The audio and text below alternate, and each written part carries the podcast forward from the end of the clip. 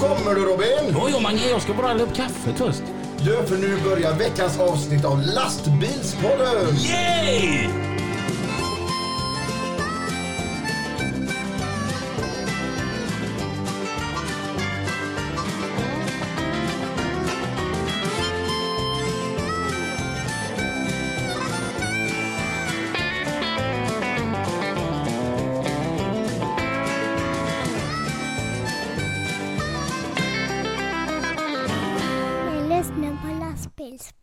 Med Mange Olsson. Och Robin Rosberg. Hej, varmt välkommen tillbaka Mange. Hej på dig pojk. Hur känns det? Gött. Själv då? Jo, det är fint. Har det börjat bli så här att det kommer fram massa folk till dig på stan? Jag bara shit, det är du som är Mange i lastbilspodden. Nej, de säger det. Är det du som är Mange som kör traktor? Men du kör inte traktor, du kör ju case. Det var inte, då stoppar vi det. Och, du- och, du, och du kör inte Peterbilt, du kör Volvo. Ja, det är fräckt. Kul att eh, få träffa dig unge man. Ja, detsamma, detsamma. Härligt att ha dig här igen min kära... Jag gillar våran jingel. Ja, Och denna visst. gången veckan fick vi till fistbumpen också vid lastbilspodden. ja det, och det kommer vi fortsätta med tycker jag. Ja, det är så här, bara för att kicka igång att man vet att det kommer bli bra. Så är det. Och vem har vi med oss idag? Melinda. Hej Melinda! Tjena. Och vem är Melinda? Ja, 33-åring. Bor Mm. utanför Göteborg. Åt vilket håll? Eh, upp mot eh, Nygård.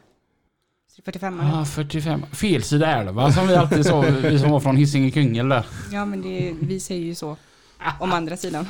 Ja, och, och, och vad är det som är så himla bra med att bo där? Ja, nej, jag är ju rätt så nyinflyttad där. Mm. Råkar köpa ett hus. Mestadels för att det heter Rumpetorp. Ett. Jag, jag gillar att råka köpa ett hus. Hur gör man då? Man är uttråkad. Okej. Jo, alltså, jag har många uttråkade väninnor som råkar köpa grejer på Zalando. Ja. Ja, men det passar aldrig. Liksom, köpa saker på nätet är inte riktigt lika kul. Nej. Eh, du satt och uttråkad, gick in på Hemnet och bara, där är ett rumpetorp. Ja, Då är min fråga, vad är ett rumpetorp? det är en väldigt, väldigt liten stuga ute i skogen. Vad läskigt. Ja, jag är ju mörkrädd. Och så kollar du på The Grudge varje gång innan du ska sova då typ. Nej, jag undviker allting som har med skräckfilmer att göra.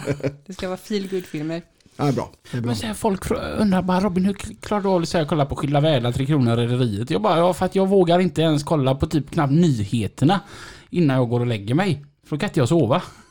Är du allvarlig? Ja, ja nyheterna funkar Ja, ja men jag alltså, fattar vad ja, du menar. Men jag, jag kollar, kollar inte på någon så här...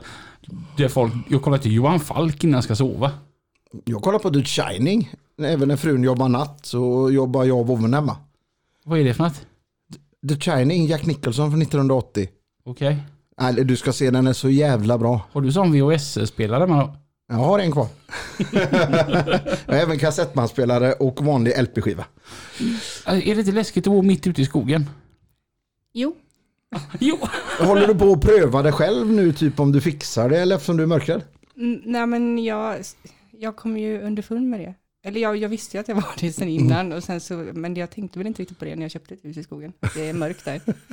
eh, men, eh, och sen så är det stora fina fönster och det vill jag jättegärna ha. Och byta till ännu större. Men jag täcker ju för dem för jag vågar inte gå förbi fönstret när det är mörkt ute för då kan någon se in men jag ser inte ut. Så om Robin kommer dit och så har typ en sån här mask på sig och går upp i fönstret så då blir du svinrädd. Det, det är där jag blir.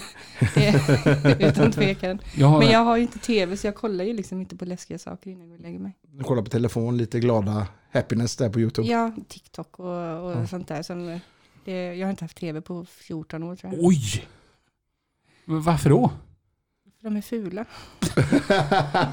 Nej, jag tycker inte om teknik. Alltså, eh, det, ska, det, ska bli fula kablar och sen just i det här huset så passar det inte heller. Jag var, det är så litet och så stora fönster överallt så jag kan inte sätta en tv. Men jag skaffade en projektor istället. Ja, Som okej. är 134 tum. Oj! Ja. Det bästa i den här världen är att alla får göra som de vill. Ja, ja. Jag har en kompis som heter Emily Och så ringde jag till henne en dag och så sa jag bara Du har sovit gott i natt va? Och hon bara Ja faktiskt, eller hur vet du det? Nej men du, du såg så rofylld ut när du låg och sov. Hon bara Va? Nej men jag hade tråkigt i natt så jag åkte förbi där och så kollade in i ditt sovrum. Creepy. Ja, det är så gött att höra hur hon är tyst där en liten stund och att hon ändå måste tänka efter. Tills hon kommer på att hon bor ju som på tredje våning. Hur fasiken skulle det vara möjligt? Är det någon som har sagt att du är en maniac någon gång eller? Ja, men jag tyckte det var ett roligt skämt bara. Jag har ju så bra grannar som hjälper mig att hålla koll. När jag ligger borta i jobb, jag har skaffat kameror och allting, jag är görnojig där ute i skogen. Men det är ju teknik. Ja, jo, jo men det, det, det, i och med att man bor så avsides. Vi har haft nattpatrullen, det har varit väldigt eh, mysigt. Det har ju varit eh, engagemang från alla som bor där ute i skogen. Oh, Så fan. patrullerar de Ja, på det nätterna. förstår jag. Så det har varit väldigt eh, fint. Speciellt för det har varit folk som har rekat och lagt stenar och sånt där. Så att, eh, Du får skaffa vapenlicens. Ja men det, är- det är faktiskt en plan. Inte, inte för det, utan för att jag vill lära mig och, och eh, det är kul att skjuta och då får man väl göra det på rätt sätt. Ja, panga är kul. Ja. Mm. Eh, har du några kameror och bevakning hemma? Jag har ett jättelarm faktiskt Mm. på hela gården. Eller vi, jag får prata, vi är ju två som äger det. Och, och sen har du ormen också. Ormen ja. Ormen som skrämde livet med bokstavligt talat mitt i natten. ja det, det, det är så roligt. Jag, vi kallar, vi har en hund, en forster, en 40 kilos klump som är assnäll. Och Jag kallar han Vormen. Han heter Dino. Och så, den som går upp först av oss, mig och frugan, ofta är det jag som går upp först. Så brukar man sätta bara på matskålen som står på bänk så skriver ormen har fått mat. Och han var uppe före mig när han sov över. Så såg han där, ormen har fått mat. Jag såg ingen Och jag bara kände att shit, har Mange skaffat en orm? Och har jag sovit i ett hus i natt där det finns en orm? Och jag var väldigt illa till mods där ett bra tag. För ormar kan fly, det vet jag, för det gjorde min kompis Dennis orm. Den, den, den rymde och tänkte shit, tänk om jag har haft en orm i säng. Ja, det vet jag. Vilka scenario jag drog igång där. Och så när han kommer ner så är jag helt likblek och bara vad är det för jävla orm? Jag, jag, är, ju- jag klarar inte av småkryp och ormar. Och jag tror det var dag, vecka två eller någonting i huset så skulle jag ut och slänga skräp. Och går med de här sopsäckarna över, över trädgården och så ser jag ju bara en orm slingra. Och jag var liksom, F this shit, flyttar jag. Och eh, jag har ju inte bott i huset på flera månader, jag flyttade in i september igen för det råkade bli en hel renovering. Jag skulle bara renovera badrummet och sen eh, ledde det ena till det andra. Ehm, och andra natten i sovrummet igen så ser jag en jättestor spindel uppe på taklisten och det var, jag respekterar dig, du bor här nu. Så jag sov på soffan i en vecka. Nej. Jag kommer återkomma till spindlar senare i det här avsnittet ska vi tala lite om det. Jag tyckte det var lite ro ro roligt det där med när du berättade när du köpte hus. Mm. Så var det en två veckors period. Vad gjorde du de här två veckorna? Väldigt mycket. det, det var lite kaos där faktiskt. Ja. Du hade varit i Norrköping. Ja, det, jag eh, blev av med jobbet och sen så var jag i Norrköping och hjälpte min kompis att flytta. Jag var i Karlstad och köpte bil. Jag var i Grästorp och byggde gäststuga. Jag var i Kungsbacka och byggde altan. Eh, fick nytt jobb och köpte hus. På två veckor. Ja, det gäller. Och en separation berättade också Ja, va? just det. Ja, Var det den som gav dig energi då eller, eller nå- att du kanske inte var så feel good så att du ville lägga fokus i livet på något som inte tänkte på han då kanske? Ja, det var nog mycket, eh, både det här med att bli av med jobbet och sen Mm. eh, eh, gå isär där. Så det var väl mycket tufft. Det var mycket lättare att bara köra på. Mm. Eh, det hoppar ju upp och bet med arslet sen. Men det, det är ju ofta så det brukar vara. Det straffar sig. Vad är Melinda från början? Jag är i, från skogarna mellan eh, Nossebro och Sollebrunn. Mm. Gittans garn. I Sollebrunn. Ja, min, min mormor hade faktiskt en garnbutik ute i, ute i byn där, i skogen där vi bodde, så att det var ju en konkurrent. Oj! Och Nossebro, där har jag spelat musik på Casa Bar. Oj, Tusen år sedan. oj, jag tänkte finns det fortfarande? Nej, jag vet fan vad länge sedan jag var där. Men Nossero, det köpte mamma skor till mig. Åh, där på Hektors skor, jag var alltid, jag fick aldrig de lackade skorna när jag var liten. Jag var så bes- besviken på min mor. Det var när vi skulle åka upp och hälsa på så här, typ mormor eller någon annan på Slätta. Då, då åkte vi alltid vägen om Sollebrunn och in på Hectors skor. Jag tyckte det var så tråkigt men dit in skulle vi ju. finns det kvar? Det finns klart. Då får du åka och handla nya dojor. Och så Gärdas bageri heter det väl? i Något? Nej. Mm. Jo, det heter det. Gärdas, ja. Mm. Du och dina jävla bageri, du har koll på hela Sverige med bagerier. Ja, jag, jag har ingen aning var Systembolaget ligger men fikabutikerna de vet jag. Vad, vart startade ditt liv då i lastbilsvärlden då? Ja, ehm, ja, jag vet inte, det var... Började med transport till exempel eller skola då? Ja, jag var, eh, jag har väl en tacksamhet till yrket eh, som kanske inte riktigt alla andra har. Jag, jag, hade det inte varit för transportgymnasiet så vet jag inte riktigt om jag hade varit i livet idag. Oj. Så pass ja. Ehm, det var um, suicidal och drogproblematik. Mm. Och sen så hittade jag rätt spår, det jag ville göra och det jag brann för.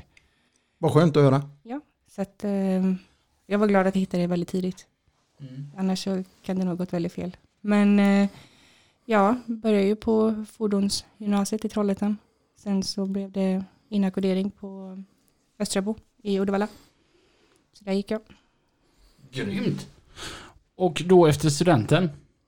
Du är nyutexaminerad lastbilschaufför, hela världen framför dig.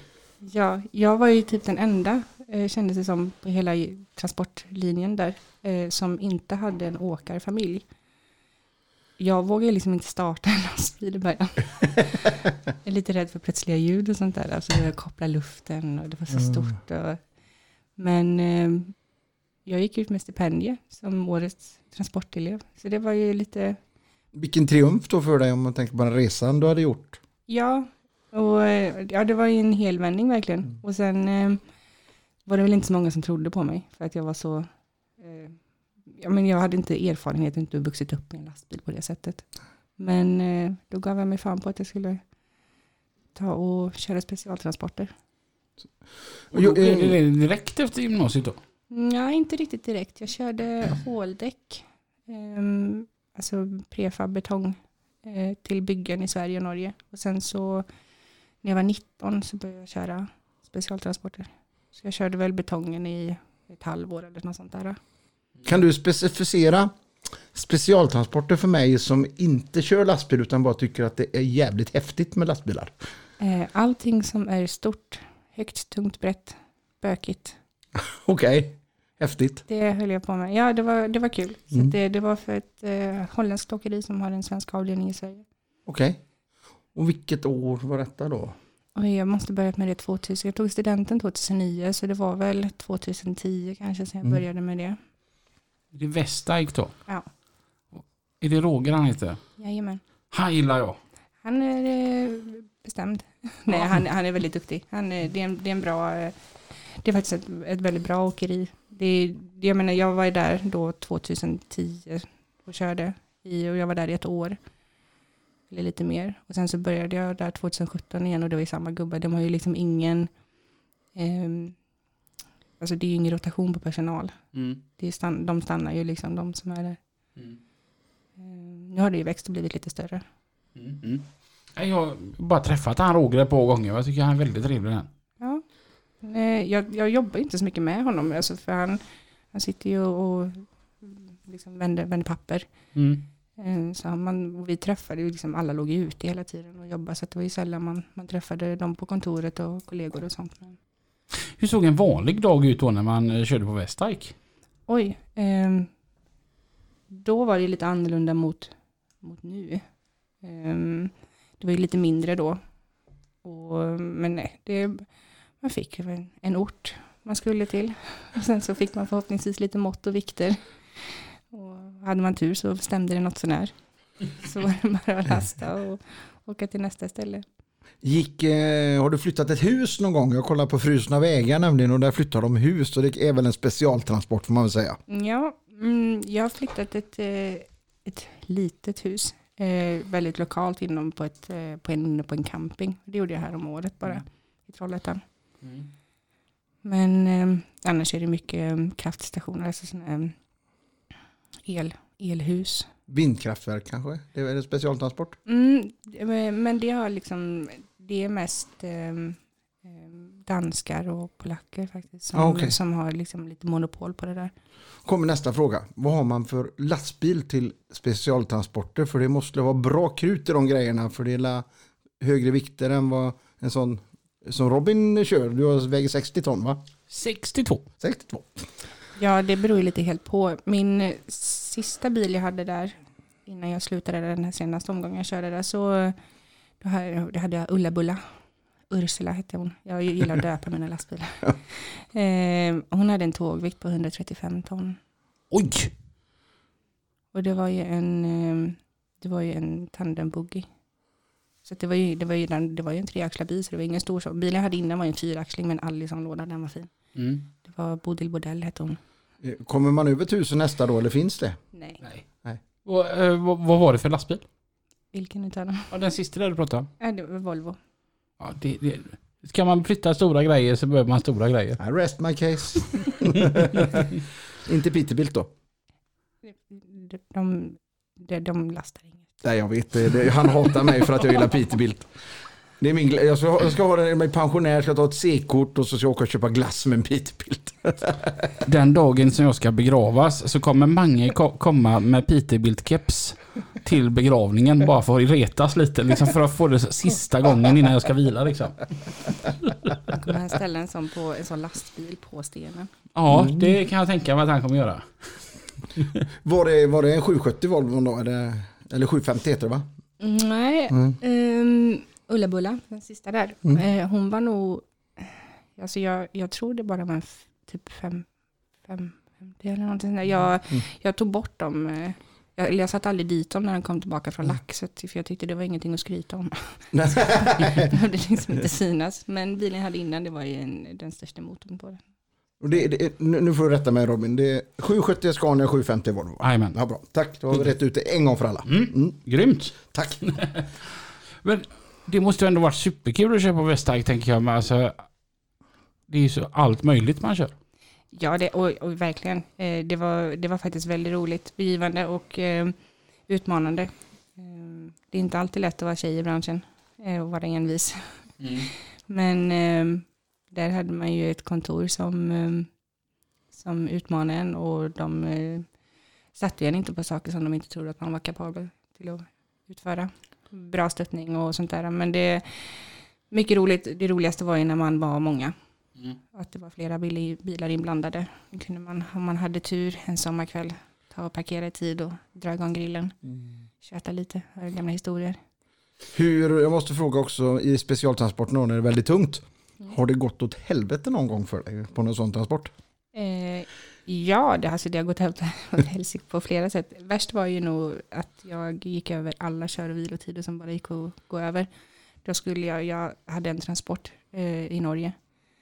Um, och då har man ju, man har ju brofölje och det är vägväsendet och det är varningsbil och, och sånt där. Det var en tung transport och min leveran, leveransadress var Hardangervidda. Mm det var inte så mycket mer All right. specifikt än så. Den är ganska stor tänker jag. Ja. Och det, var, det, det gick lite tungt att gå upp för den, så jag gick över fyra och en halva, jag gick över sex timmar, jag gick över tio och jag gick över 15. Men, Oj. Och då kom blåljusen bakom eller? Nej, men alltså det, när man kör, alltså vissa, mycket specialtransporter i Norge, då har man ju också poliseskort. Eh, eskort. Mm. Ehm, men den gången hade jag inte det, men jag hade ju brofölje och vägväsendet och det med mig, så att ehm, de, eh, de skrev ju under en massa lappar. Mm. Grymt. Gjorde de. Men ingen så att kärran har vält eller? Nej, jag har Nej. faktiskt aldrig varit med om någon olycka. Det, peppa peppa ta i trä. Vi knackar tre gånger. Vad tyckte du om att köra Norge? Ehm, en hatkärlek. Mm. Eh, Norge är jättefint på sommaren men då svär man ju åt alla turister och bussar och husvagnar och sånt. Eh, Och vintern gillar jag inte alls. Och eh, ursäkta, den transportplanerare jag hade då, han, han visste alltid hur han skulle fiska in mig till att säga ja till en körning.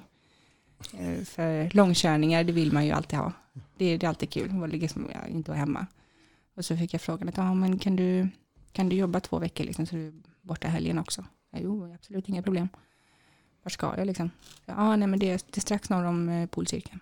Tänkte jag ju Jokkmokk eller Kiruna typ. Absolut, skitbra. 100 mil till.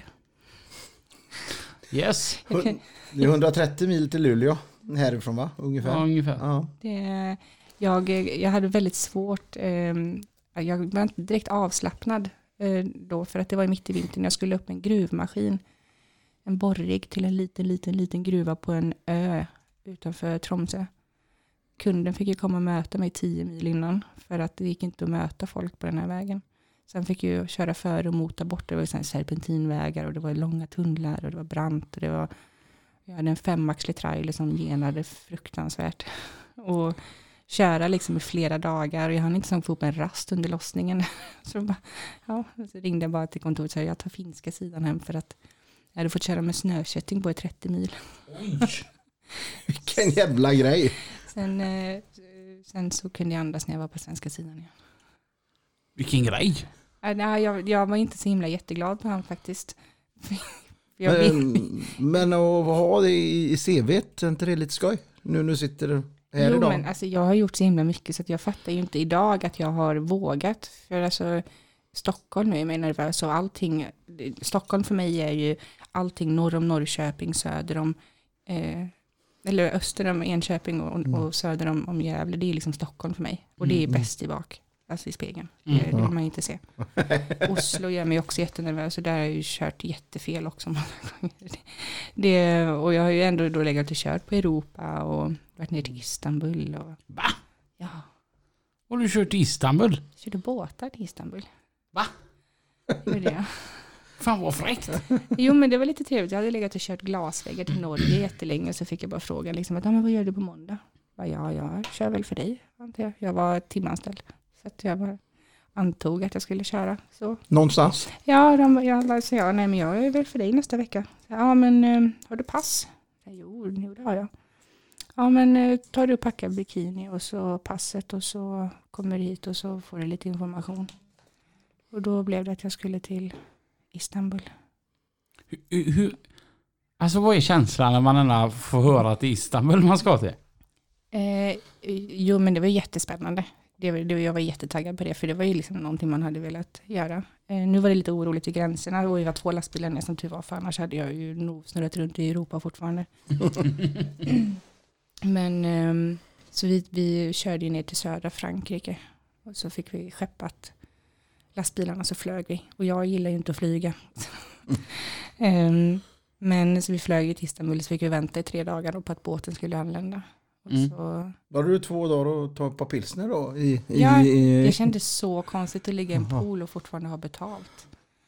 Grattis till dig. Ja, det är väl ändå goals på något vis. Ja, Du har inte varit där borta och härjat och fått två dagar i en pool och lön från JH? Eh, nej, men jag har varit på Mallis. Och bara inte gjort någonting och fått uh, fullt betalt. Det är gött. Det är helt okej. Vem kör du för då? Peter Lundin. Jaha, grattis till Ja. dig också. Och så Jag får vet- betala för mina resor. Och i förra avsnittet när jag berättade om när jag blev helt neddränkt i geggamoja. Mm. Då, när, jag, när det hände då tänkte jag ändå på när jag var på Mallis hade fullt betalt i fyra dagar. Det, där slutade jag. Jag skulle inte blivit musiker, jag skulle blivit åkare. Ja, det var väldigt roligt. Sen hade jag ju hemlass ifrån eh, Kroatien och så åkte jag på magsjuka och jätteböter i, eller jättebot i Österrike. Vad gjorde att- du för något då?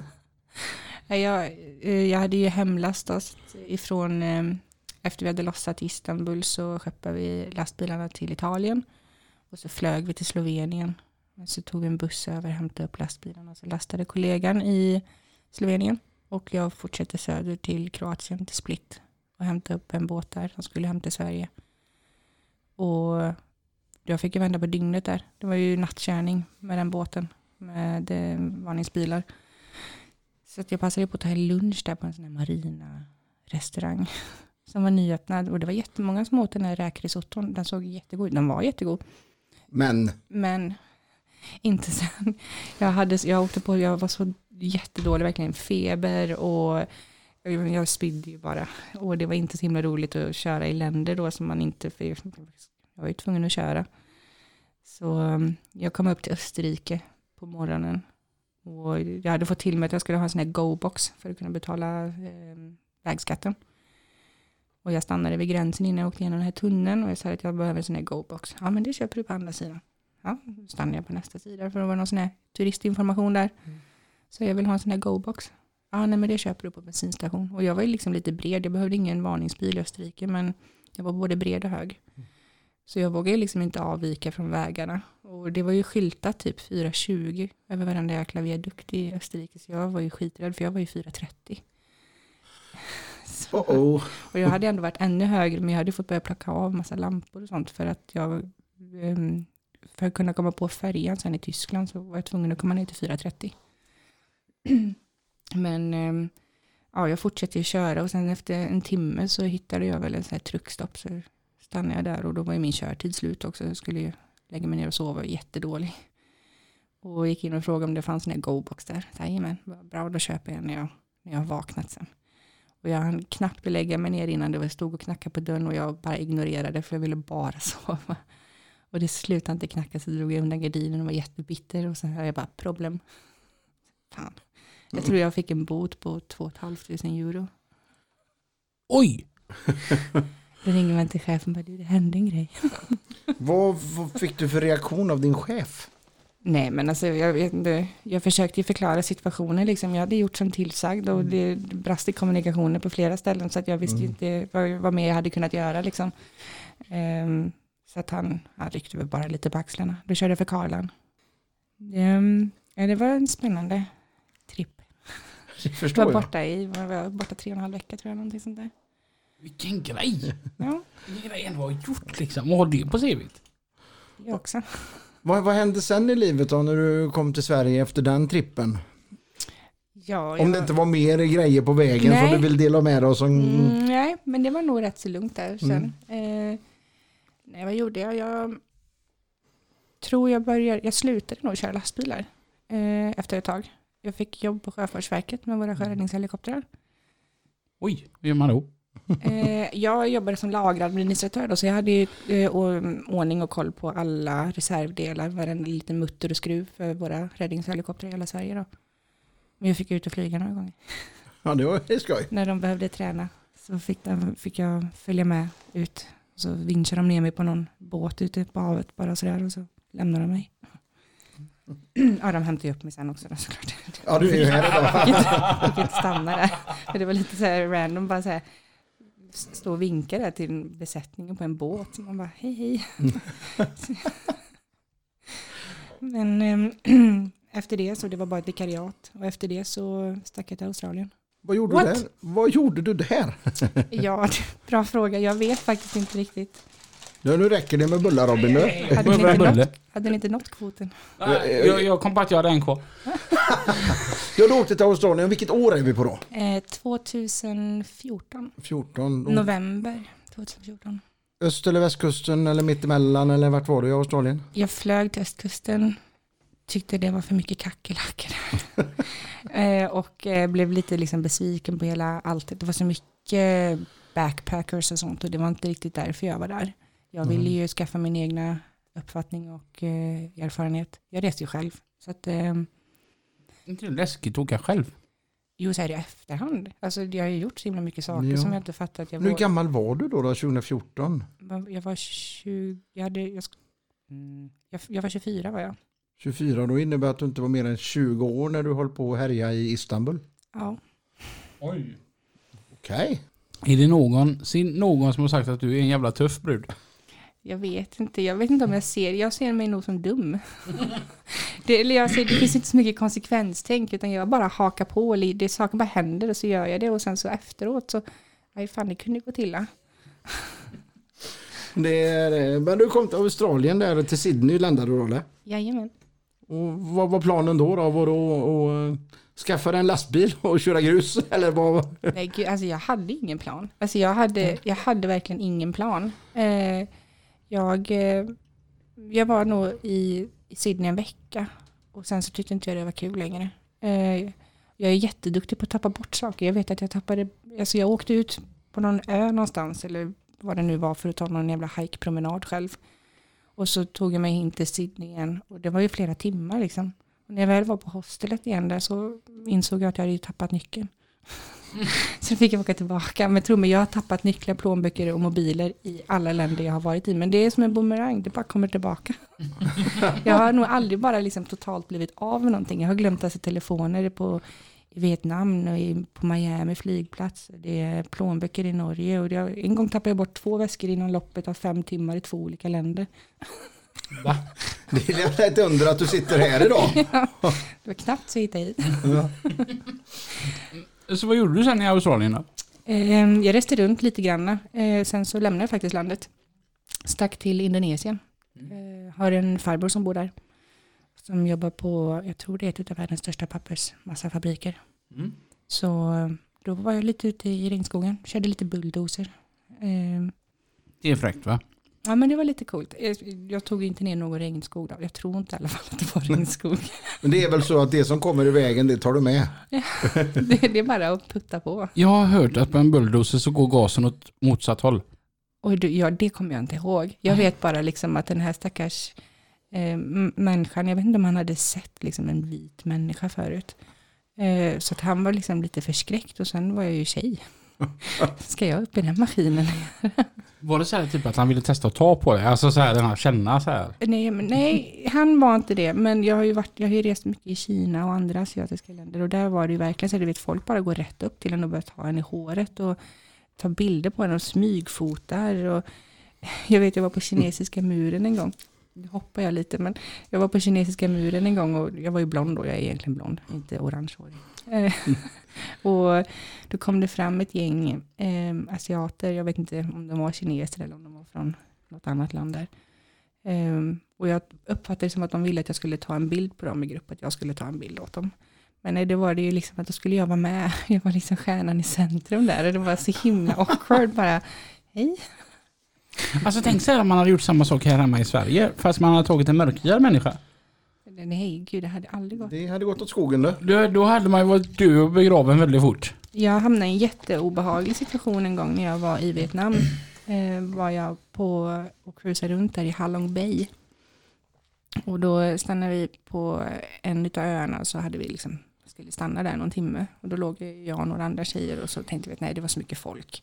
Orkar inte gå upp till utkiksplatsen. Så vi la oss på stranden och chilla liksom. Och helt plötsligt så är vi helt omringade utav eh, kineser. Och det blev jätteobehagligt. Alla står och tar bilder.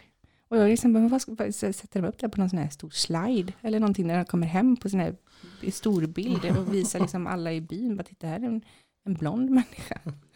Men där fick vi faktiskt hjälp, då kom det lite andra herrar och faktiskt fick puttat bort dem. Det blev en jättekonstig och obehaglig situation. Fan vad märkligt. Ja, alltså, för jag, jag förstår ju liksom inte hur det kan vara så alltså, exotiskt eller vad man ska kalla det. Alltså, att de tycker att det är så himla speciellt. Men det är ju kulturkrockar, alltså det är ju helt andra kulturer. Och sen var det tillbaka till Australien då. Ja, jag hade tänkt att jag skulle skita i det. Jag ville gärna hem. Men ehm, min, eh, min farbror tyckte annat. Han sa att du kommer ångra dig om du åker hem. Så att jag har köpt en biljett till dig tillbaka till, till, till Perth, till Australien. Så då hamnade jag på västkusten. Och så fick jag couchsurfa för jag hade inga pengar. Jag hade, jag hade 100 dollar kvar på, på fickan när jag fick ett jobb. Vad är couchsurfa? Eh, det finns, eh, det är ett community. Att man, det är som eh, marketplace höll jag på att säga. Nej det är inte, men det är en hemsida. Så att det handlar om ja, att man ska bo gratis hos folk. Antingen att man kan alltså, ge språkutbyte eller hjälpa till alltså, och ta hand om hemmet. Eller som att man bor gratis hos någon. Egentligen är det bara kanske kortare perioder, några dagar och sånt Mm. det handlar om. Eh, jag hamnade dock hos en gruvarbetare i ett ställe som heter Coburn, fast det stavas Cockburn. så jag vill ju gärna väldigt säga det, för det var mycket roligare att säga det så. Men så där hamnade jag. Eh, så han jobbade i FIFO, så han eh, fly in, fly out. Så han jobbade ju borta väldigt mycket, så jag hade ju liksom huset för mig själv. Och couchsurfare, alltså jag bodde ju inte på en soffa, jag hade ett eget sovrum. Men ehm, det var ju lite, det var ju liksom söder om Perth, liksom, så det var ju liksom en, en förort som låg väldigt långt ifrån, och det fanns liksom inte så mycket där. Eh, Så det var lite svårt att hitta jobb. Då var man ute på Gumtree som är mm, deras variation av eh, Blocket. Leta jobb, så fick jag tag i ett jobb. Blev det lastbilsjobb då eller blev det något annat jobb? Nej, jag blev spray operator på en farm. Eh, Vad är det? Spray operator. Jag körde en maskin som kallas för grasshopper. Så det är en sån här jättehög maskin på alltså, fyra hjul med så här armar som bara sträcks ut och så besprutar man. Sådana hade du sett om du hade åkt till Australien min vän. Jag har varit i Australien. Och så missat dem. Ja, du var onykter väl? jag, koll, jag kollar på flick, flick, äh, kängurur. De är ju dock dummare än rådjur, men de är rätt söta när de är Flickorna små. eller? Nu är Robin Rosberg igång. Ja, det ena behöver inte utesluta det andra. Hur var det att jobba på farm i Australien? Eh, bra, just den farmen var väldigt speciell. Allting bara gick emot mig. Den här maskinen, alltså den ramen knäckte säkert eh, två, tre gånger. Den började brinna en gång. Ena armen gick av. det, var, det, var liksom, det var kaos med den maskinen. Eh, men eh, eh, jag slutade jobba där. Gjorde jag. Jag kom inte riktigt överens med den managern som chefen hade anställt. Han gillade inte riktigt tjejer. Nähä. Jag ville gärna få vara med och titta när de lagade maskinen så att jag kunde lära mig om det var någonting jag kunde göra ute på fält. För att jag hade ju, när jag var ute och jobbade och sprayade så kanske jag hade två mil till tillbaka till verkstaden. Så att jag var liksom att kan jag få vara med och lära mig så kanske jag kan göra någonting ute på fält själv utan att försöka ta mig tillbaka. Och så 35 grader varmt. Det var ju marktemperaturerna låg ju oftast på en sån här, ja, just där var det inte så farligt men ja, där låg väl marktemperaturerna på runt en 40 grader kanske. Men han tyckte att jag, jag gjorde det bäst med att hålla en sopkvast och sopa in i verkstaden. Så att, ehm, Jag är ju en trött gubbe du. ja men han, han, var, han var lite, men det, det, liksom det komiska var sen då liksom, för jag bad ju han att fara åt Fanders. Och så blev jag ju av med det. V- vad sa du till han ordagrant? då? Jag tyckte du berättade Ja. det förut. Jo, nej men alltså jag, jag, jag stod alltså mitt ute på ingenstans. Jag hade ju sådana stora vatten, regnvattentankar. Så vi samlade ihop regnvatten och så fick jag ju fylla på maskinen med den. Så kom han dit och så började han liksom gapa och skälla på mig. Och då blev jag så trött. Jag sa, jag är inte här för att ta skit liksom, eller må dåligt. Mm. Jag är här för att ha en upplevelse och det är inte en dålig upplevelse jag vill ha. Så jag bad han att gå and fuck yourself. och där fick eh, jag sparken på stående fot. Ja, nej, det, det, Okej. Alltså jag vill inte jag hålla med honom på något vis. Men om någon säger så till mig också då får man nog också spark. Ja, jo, och, men min tanke var väl kanske inte riktigt att stanna kvar där. Men jag hade väl kanske inte riktigt planerat att det skulle bli just då. Stående fot, hej då. Ja, mitt ute ingenstans utan bil och ingen mottagning. En söndag när allting är stängt, till och med puben är stängd på en söndag. Hur gör man då? Ja, man, jag, jag, jag tindrar. Eller jag hade tindrat. det, det, så det var inte just nu bara nu, nödlösningen Tinder, så var det inte. Du, Eh, tänk, tänk på att prata med en man som varit gift i 15 år nu som inte Ja. ens vet vad Tinder är Ja, någonstans. det är ju en, en dejtingsida, Ja, eller vad man nu ska kalla det. Det beror väl på vad man gör det till. Men eh, där var det, ja han hade ändå pratat ett tag. Ehm, och ehm, så berättade jag att jag hade blivit av med jobbet och så undrade han vad jag skulle ta Mm. vägen. Och jag sa, jag vet inte, jag är gärna fast här. Han sa det, att "Men jag kommer och hämta dig. Och han bodde ju sex timmar bort. Ja men i Australien är det ju ingenting. Nej, nej, det var ju liksom, it's just down the road. Så Mm. han kom och hämtade mig. Han hade redan pratat med sin chef, så att det var okej att jag kom upp och jobbade där. Så då blev jag en liten springpojke slash allt i allo. Jag får för mig att, liksom att du är en sån som det går jävligt mycket emot. Ja, Och så, men i två minuter i tolv så får du en lösning liksom som ram, ramlar i famnen på dig. ja alltså som sagt, jag vet inte, saker och ting bara händer. Men så, det löser sig alltid. Alltså, det är ingen idé att bli bitter. Nej, det blir man med åren, tro mig. Det är liksom, det, det är lika, alltså, på något sätt så löser det sig alltid. Eh, så att eh, han kom och hämtade mig och så började jag hjälpa till att reparera windmills och alltså vattenpumpar på stations och farmer. Och stations är ju jättestora. Du kom till en ny farm ihop med den killen som du hittade på Tinder. Mm, det var inte riktigt en farm då, men Nej. det var ju liksom så verkstadsjobb, eller alltså vi var ju Ja. ute på fält, så vi packade ju liksom swags och Mm. for norrut och campade på stations och eh, reparerade de här windmillserna. Och då kommer ju den där frågan som vi återkopplar till. Förlåt att jag tjötar mycket nu Robin, men eh, jag gillar Australien. Ja. Eh, du sa det här med att du springer Stockholm Marathon och du ser en spindel. Ja, Det finns ju rätt mycket spindlar i Australien och ormar och grejer. ja, Hur tacklar du det? inte bra.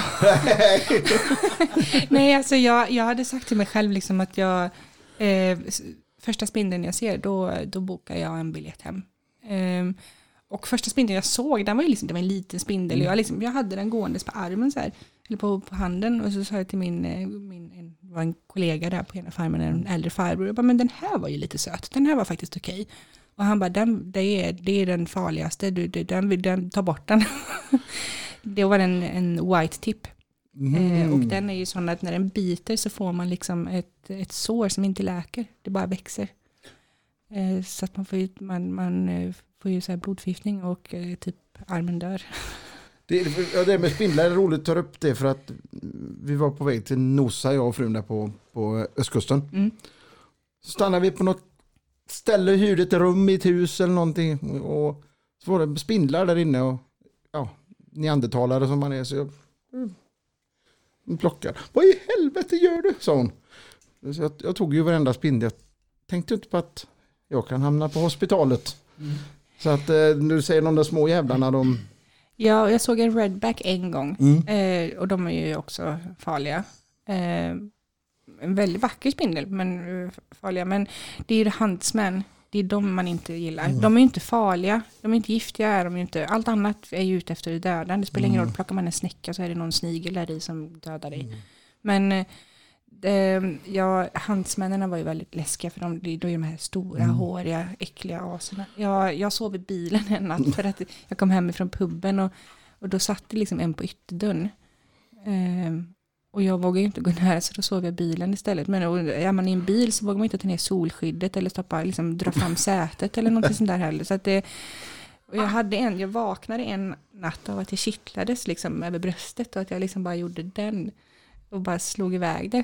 Och så hör jag bara hur det slår till i väggen. En orm. Nej, då var det en sån här stor jävla spindel. Så jag bara öppnade ögonen och bara, nej. Så gick jag, klockan var fyra på morgonen. Så gick jag och knackade på kollegans dörr. Tills han vaknade så frågade om han var vaken. ja, så jag har ett litet problem här. Kan du komma och hjälpa mig? Han blev jättearg på mig för att jag väckte han för en liten spindel. Det var ingen liten, det var ju liksom en handsmän. De är ju jättestora. Mm. Ja, de är ju som näven ungefär. Ja, de är jätteäckliga. Så att, men jag, peppa peppa ta i trä, alltså jag, jag klarade mig faktiskt väldigt bra från kryp. Hur var det med ormbiten då? Jag såg inte så mycket ormar. Ormbiten. Nej men jag såg inte så mycket ormar. Jag såg, eh, jag såg lite brown snakes då. Mm. De är ju inte så himla snälla. Nej. Eller, de är kanske inte dumma men de är inte, de är inte så ogiftiga direkt. Hugger de så är det väl kört va? Ja, men jag Mm. satt ju oftast i maskiner så att jag klarade mig liksom. Jag, jag var liksom inte, jag, jag försökte att inte titta så noga Mm. på ställen. Mm. Men annars klarade jag mig rätt så bra faktiskt. Nu var du på den farmen där uppe och där var du kvar hur länge? Jag skulle vara där i tre veckor på den här nya, för jag fick ju, jag var ju med och reparerade de här windwheelsen Ja. och sen så fick jag då ett tips av eh, en annan farmare som jag skulle vara hos, så där bjöd jag in mig själv. Och skulle vara där i tre veckor och eh, sprida urea, eh, vilket är typ syre, piller, man säga, som man sprider innan, det, innan regn ska komma. Mm. Så det blir liksom, det är ju fertilizer. Gödsel heter väl på svenska. Ja. Och eh, där eh, skulle jag varit i tre veckor, blev det åtta månader och fick hjälp med att ta lastbilskortet och sånt där. Det är lite en annorlunda process där borta. Okej, och vänstertrafik. Ja. Men det makes, alltså det, det, jag tycker det är vettigare. Okej, jag hade personligt stora problem med vänstertrafik. Ja, Jag hamnar ju på fel sida några gånger såklart. Lätt hänt. Du då Robin? Eh, Jag har ju, mm, min familj har eh, goda vänner i Australien som var svenskar. Eh, Eller ja, jo de var svenskar och nu är de australienare sen typ 40 år tillbaka. Och han förklarade för mig en gång, Pe- Peter, där att, och be mig inte återberätta detta för det blir, men det, han säger det att om man har vänstertrafik så är vänsterregeln mycket mer logisk än vad högerregeln är för högertrafik. Men alltså det var ju alltid så här i, i korsningar och i rödljus, man fick alltid svänga höger. Det fanns liksom ingen, inget ljus för det. Man fick alltid svänga Mm. höger. Och, men jag vet ju när jag kom till rondell första gången, vet, folk var ju jättearga på mig. För jag stod ju bara och tittade, bara, men hur fan gör de? Hur kör Mm. man i rondell i vänstertrafik? Hur går det till? Köper det? det. Alltså, jag har inte kört lastbil i Australien, men jag har kört i England. Principen är ju densamma, man kör på vänster sida. Och så... Alltså, jag hade aldrig någonsin problem med rondeller. Jo, första gången. För då körde jag för långt fram i rondellen, så jag såg inte vad som kom på min högra sida, högersida. Mm. Men, jag hade aldrig problem i korsningar och rondeller, för då var man som med i hjärnan. Men när båten från Göteborg eh, går i land i Immingham klockan ja, 11 på kvällen och sedan så kan man sätta sig och köra som ner till Gaden denna då fyra timmar. Och man sitter där på motorvägen. Då hamnar jag ju automatiskt i vad de kallar omkörningsfil. Ja, som är högerfilen. Då hamnar jag alltid längst till höger och så kommer en helt vansinnig engelsman och bara helljusblinkar och tutar och visar långfinger. För att det känns... När man börjar slappna av så känns det ju fel att ligga i omkörningsfilen. Jag hatar folk som ligger i omkörningsfilen. Ja. Jag har alltså... Åh, nu, nu vaknade jag här. Varenda eftermiddag när jag ska hem från jobbet. Ni som känner till detta, E20 Partille. Och så, sen så ska man upp för Jonseredsbacken. Det är tvåfiligt och så kommer det en tredje fil på höger. Och den kommer ju då på din högra sida, tilläggsfilen. Folk går inte över i högerfilen utan de ligger kvar där i mittfilen. Jag blir vansinnig. Det är sånt där som gör att jag mår dåligt på kvällarna. Ja men alltså, men det, det är ju ingen glidafil. Det är det värsta jag vet är när folk bara ligger jag, är, jag, är ju, jag kanske inte är, jag är en rätt lugn och sansad människa. Och, och snäll och trevlig sådär. Men i trafiken så kan jag, jag har inte riktigt tålamod med folk som inte kan bete sig. Och sen är jag väl kanske, jag, jag tycker ju att alla som håller hastigheten och ligger under hastigheten kan åka kollektivt. så att, eh, det är ju tur att lastbilarna är spärrade då. Okej. Men, men hur var det förr i tiden? Jag kan fråga Robin då, det är att eh, eh, när jag var ung på 80-talet kunde man inte dra en säkring på lastbilarna på den tiden så man kunde få lite fart i skiten? Eh, jo. Det stämmer alltså? Ja. Varför har de tagit bort det fantastiska systemet? Ja, för att det registreras digitalt idag så det blir mycket värre. Vi hade Arne som var med här på julavslutningen. Jag tror inte han sa detta, och det är nog, men det är preskriberat nu. Men han- man kunde böja nålen på färdskrivaren. Och så ställde man upp lastbilen då så att den ritade bara 80 men den gjorde liksom 105. Men de, i Australien där så är det ju hastighetsbegränsningen där är 100 eh, för tung trafik. Och sen så finns det, de har, jag bodde i Western Australia i den staten och där har de ju inte besiktning. Eh, och eh, det är heller liksom, det finns ju ingen eh, färdskrivare, ingen färdskrivarblad, ingen loggbok hade jag. Oftast behövde man loggbok om man bara skulle liksom åka över stadsgränserna liksom. Jag körde ju rätt så lokalt. Vad fort gick lastbilarna där nere då? 100. Undrar. Men du körde lastbil också där i Australien då? Ja, jag sa tack och hej till farmen efter ett tag för jag Mm. kände att nu har jag mitt lastbilskort. Inte för att jag utnyttjade dem, men jag ville gärna köra lastbil och han hade ju Ja. bara en lastbil på farmen. Ehm, och eh, det var ju ett roadtrain. Jag körde ju den på farmen. Eh, men jag hade inte körkort för att Nej. köra roadtrain egentligen. Men alltså, det var ju farmens egna mark och det var 30 000 hektar stort. Så att det fanns ju lite yta att köra på. Hade den dubbla snorklar? Eh, nej, den hade bara en snorkel och det var en Volvo. Men den hade ju den hade ett jäkla, eh, ett jäkla bullbar, vad heter det, älgstaket. ja. Eh, och, men eh, ja, han ville ju köpa en till lastbil åt mig så jag kunde vara kvar. Men jag fick inte jobba hos en och samma arbetsgivare mer än sex månader. Nej, just det. Så då får jag in till eh, Perth och började köra kyl och frystrailer. Vilken, vilken resa du! Mm. Och där hann du med på en kvart.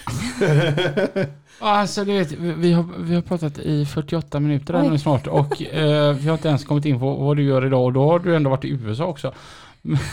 ja, ja, jag har ju varit lite överallt. Men eh, jag kommer tillbaka till Australien 2017. Mm. Ehm, så, och då hade jag ju ingen YKB. Så då började jag köra, eh, jobba på sågverk.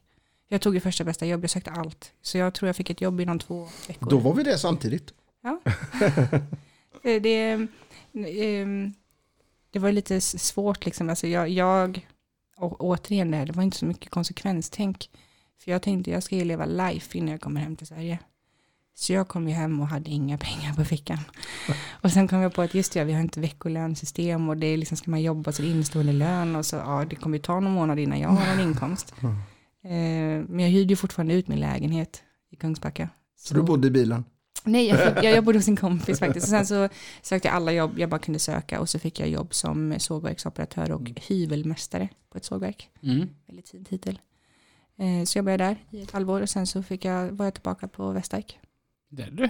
När hann du med eh, den relation berättar du där. Mm. Hur hann du med det i hela... Ja, det är ju väldigt svårt det här med, Ja. och, alltså speciellt när man ligger ute Mm. hela tiden.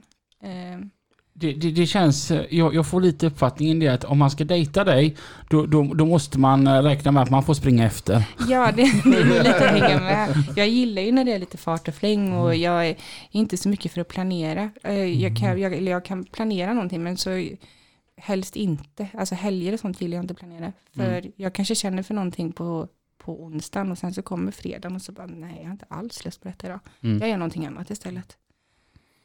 Typ Ja. kö- köper en resa. det är lätt hänt. Det är gött att det finns Hamnar i massa, Australien liksom. Ja. det är gött att det finns massa olika människor med olika inställningar i livet. Kan du Ja. tänka dig att åka tillbaka till Australien? Men jag, jo, alltså, ja, det hade jag kunnat tänka mig. Jag lärde ju känna min bästa kompis där nere. Eh, och vi har ju gjort så himla mycket galna upptåg ihop. Vi, vi, vi var båda med i, i sämre, eller, sämre förhållanden. Eh, och sen så gick vi all in när vi lärde känna varandra. Det var, ja, det var oktoberfest och det var hela utstyrseln och det var liksom allt. Vi, gick, vi hittade på så mycket dumheter.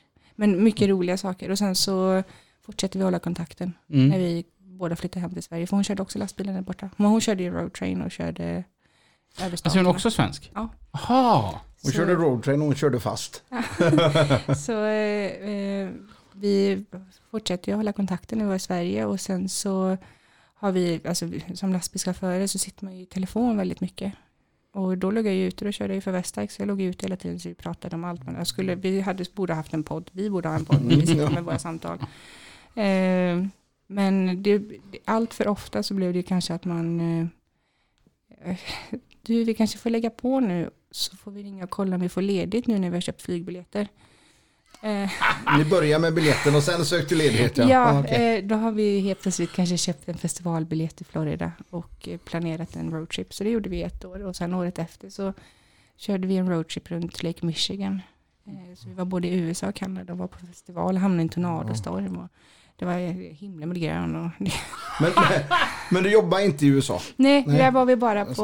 och, och semestra liksom. Och så, men vi har ju också så här, drog och lite spontant och körde en, en eh, nyårsfirande i Polen. Alltså, jag, jag får ju sån här kä- känsla. Har du skrivit ner allting du har gjort? Nej, Hur bra minne har du? men Alltså, det, det är nog rätt så ja. bra. Jag, jag tror så här att det hade varit väldigt intressant om du sätter dig och skriver ner allting du har gjort och bara fortsätter skriva på den här boken. Och Oj. sen när du är liksom är 65. Ja, men jag tänker, har ni inte sett den här memen där liksom eh, boken om att förstå en kvinna? Och så är det ju liksom så Jag har inte här, vågat. så här flera meter Ja, hög. jo, ja. Det, det, det hade nog blivit någonting sånt. För alltså det, som sagt, jag, saker händer, saker sker och det blir liksom bara eh, kaos. Men jag, jag har kul. Vad gör du idag? Eh, idag är jag en lite allt i allo. Jag kör på Nordic Crane. Så att jag eh, kör dragbil, flyttar motvikter, bommar. Jag är kranriggare, så jag riggar kranar. Jag kör kranbil när det behövs. Eh, imorgon ska jag vara liftledare, så jag ska ner till Värnamo här ikväll. Mm. Så då är jag liftledare. Eh, jag är dirigerare, jag kopplare. Jag är lite allt möjligt. Jag är där jag behövs och jobbar mycket, eller förra året jobbade jag mycket på vindkraft. Låg borta i periodvis. Allt förutom själva mobilkranen. Ja. Har du testat att köra mobilkran? Ja, jag fick faktiskt förra vintern eh, vara som ett barn på julafton för då fick jag köra en 750.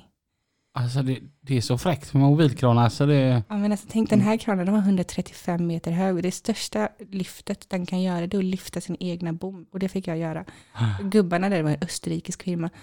De sa att men, alltså, du vet, vanliga flickor de gillar ju blommor. Ja, men nej, maskin, så större desto bättre.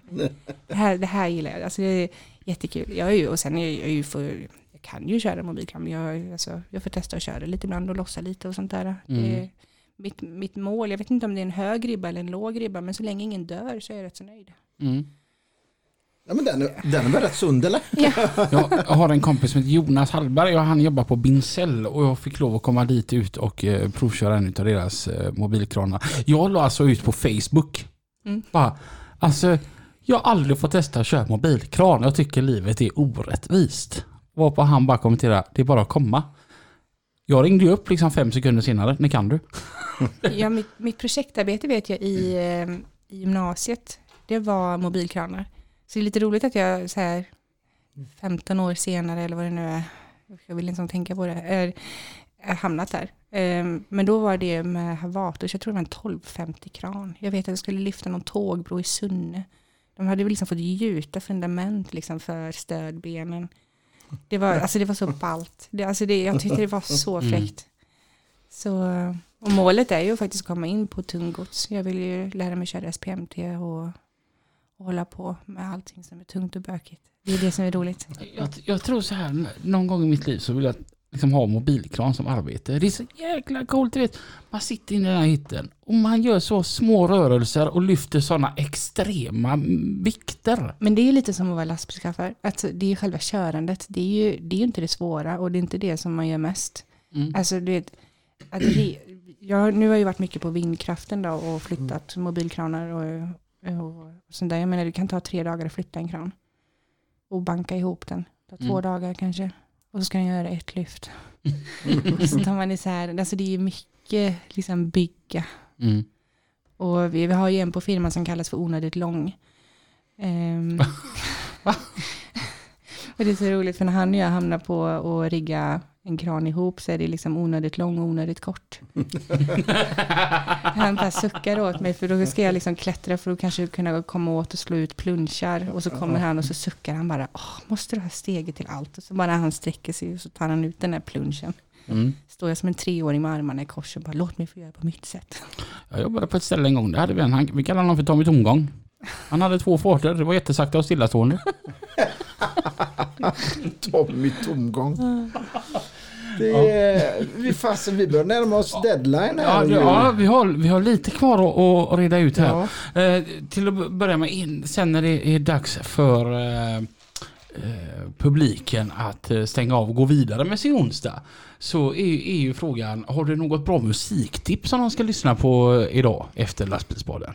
Oj, alltså jag, jag är ju jättedålig på vad låtar och allting, för jag är en sån här allätare. Man kan här, alltså kollar man på min spellista så är det verkligen en, eh, en salig blandning. Men jag gillar ju lite arg musik.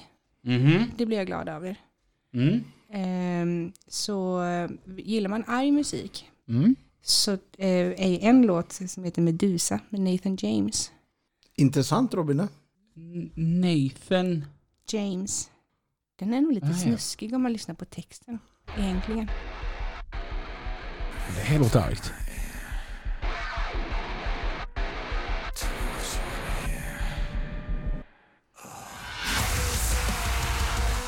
Ja, det här är argt. Gillar du sånt här Mange?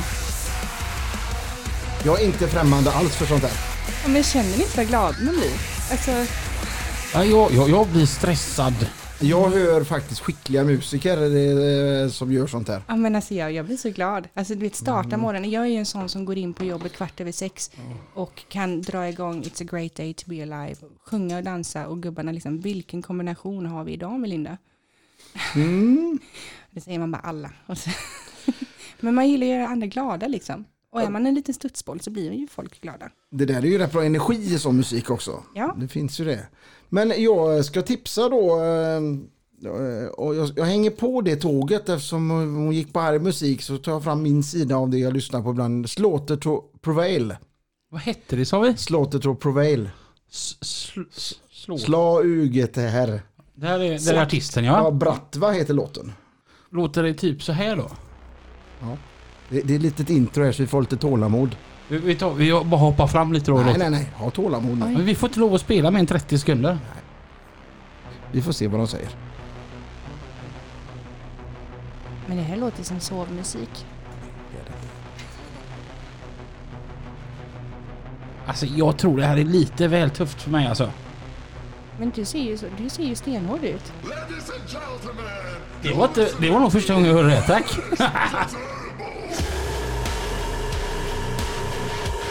Hur kan man inte bli glad av det här? Jag, jag gillar detta. Jag är lite sugen på att dra på vinterfest. Min kusin ska spela där. Okej. Mm, yes. Ja, nej, men det var, här var Manges. Eh, tips eh, denna, denna onsdag. Och eh, du, Ingen dansbandsfredag här inte. Nej. Ro- Robin, har du någon sån sida av musik som du tycker om? Eh, jag, jag ska spela ett av det, det hårdaste jag tycker finns. Eh, Lasse Stefans. grej, grejen är som så här att det här är en cover. Ja. Mm, jag vet att du gillar inte det här bandet. Hepp. Eh, eller du, du tycker det är okej. Ja, okej. Det, det är Engman som verkligen inte gillar detta. Ja, okej. Eh, de har gjort en cover. Eh, jag kommer inte ihåg vad originalsången heter, men den går i alla fall. Den heter så här. För i natt i natte. Låt mig presentera Battleship Chains med Volbeat. Men det här är inte hård musik. Det här är hårt. Nej, det är raggarrock. Ja, men jag, visst är det. Ja, men Volbeat är bra tycker jag, men det är Ja. fortfarande raggarrock. Ja. Men det finns ju, orgi- originalet är bättre, det kommer ju från sydstaterna, Robin. Okej. Jag ska visa det sen för dig. Jag, Volbeat är grymt. Ja, jättebra. Jo, men jätte, jättemysigt. Man blir lite... Sitter på en pub med en, en, en 05 i handen och sätter i sig den. Det är, ja. Det var gulligt. Ja. Ja, men, ja, ja, ja, Jag gillar. Volbeat, punkt slut. Det- Jag gick från att vara hård till gullig. Ja, ja, men det svänger snabbt. Mm. Eh, du har, vi har en sista fråga här nu. Vi går över tiden nu. Vilken drömgäst har du att få höra i lastbilspodden? Men det är ju faktiskt min bästa vän. Din bästa vän. Vad heter din bästa vän? Min bästa vän heter Lelle Svanäs. Lelle. Lelle? Mm. Svannäs. Svanes. Och vad, Du- Hon bor i Norrköping. Och det var hon som jag lärde känna i Australien. Då är, då är frågan, pratar de så här som att hon är från Norrköping? Nej, hon gör inte det, för jag tror hon är från Kalmar ursprungligen. Kalmar? Men hon har inte sån dialekt. Hon har liksom, så alla har ju typ samma dialekt. Rikssvenska typ. Kanske Engman känner henne då? Vem vet? Ja, vi kollar. Jag tycker att vi hör av oss henne och frågar om hon vill vara med i veckans avsnitt utav Lastbilspodden. lite längre fram. Vad tycker vi? Uh, alltså, helt galet. Jag, jag är helt... eh, du är ju ändå bara 34? 33 tack. 33? Och, ja just det, 89 var du. Hur kan man ha hunnit med så mycket på så kort tid? Ja, men jag vet inte själv. Alltså det går ju 110. Ja, jag är verkligen imponerad. Eh, och alltså, snacka om att slå jäkligt många på fingrarna till att ha varit på olika ställen. Ja, jag har hunnit med en del. Och kört mycket coola grejer. Ja, det, det här var eh, en riktig... vil- Vilken jävla wow-brud du är. Men det är nog det. Eller? Fortsätt att leva livet innan livet lever med dig. Ja men typ så. Och sen har jag en fråga till dig Mange. Jag har hört ett rykte på stan. Vad? Jag har fått höra att Drängarna har köpt Slottsskogen i Göteborg. Stämmer detta? Och Ullevi. För jag hörde att ni hade köpt Slottsskogen för att ni behöver träna. Vad rolig du är. Eller skulle det vara en sån? Så. Vad god du är gubben. Tack för idag. Tusen tack för att ni har lyssnat på veckans avsnitt av Lastbilspodden. Vi hörs igen nästa Vecka. klockan Vet vi inte än. nio. Tills dess, kör försiktigt. Ha det jättebra. Tack Melinda för att du kom. Tusen Tack tack, tusen tack. Och ja, ta hand om er. Hej! Hej hej.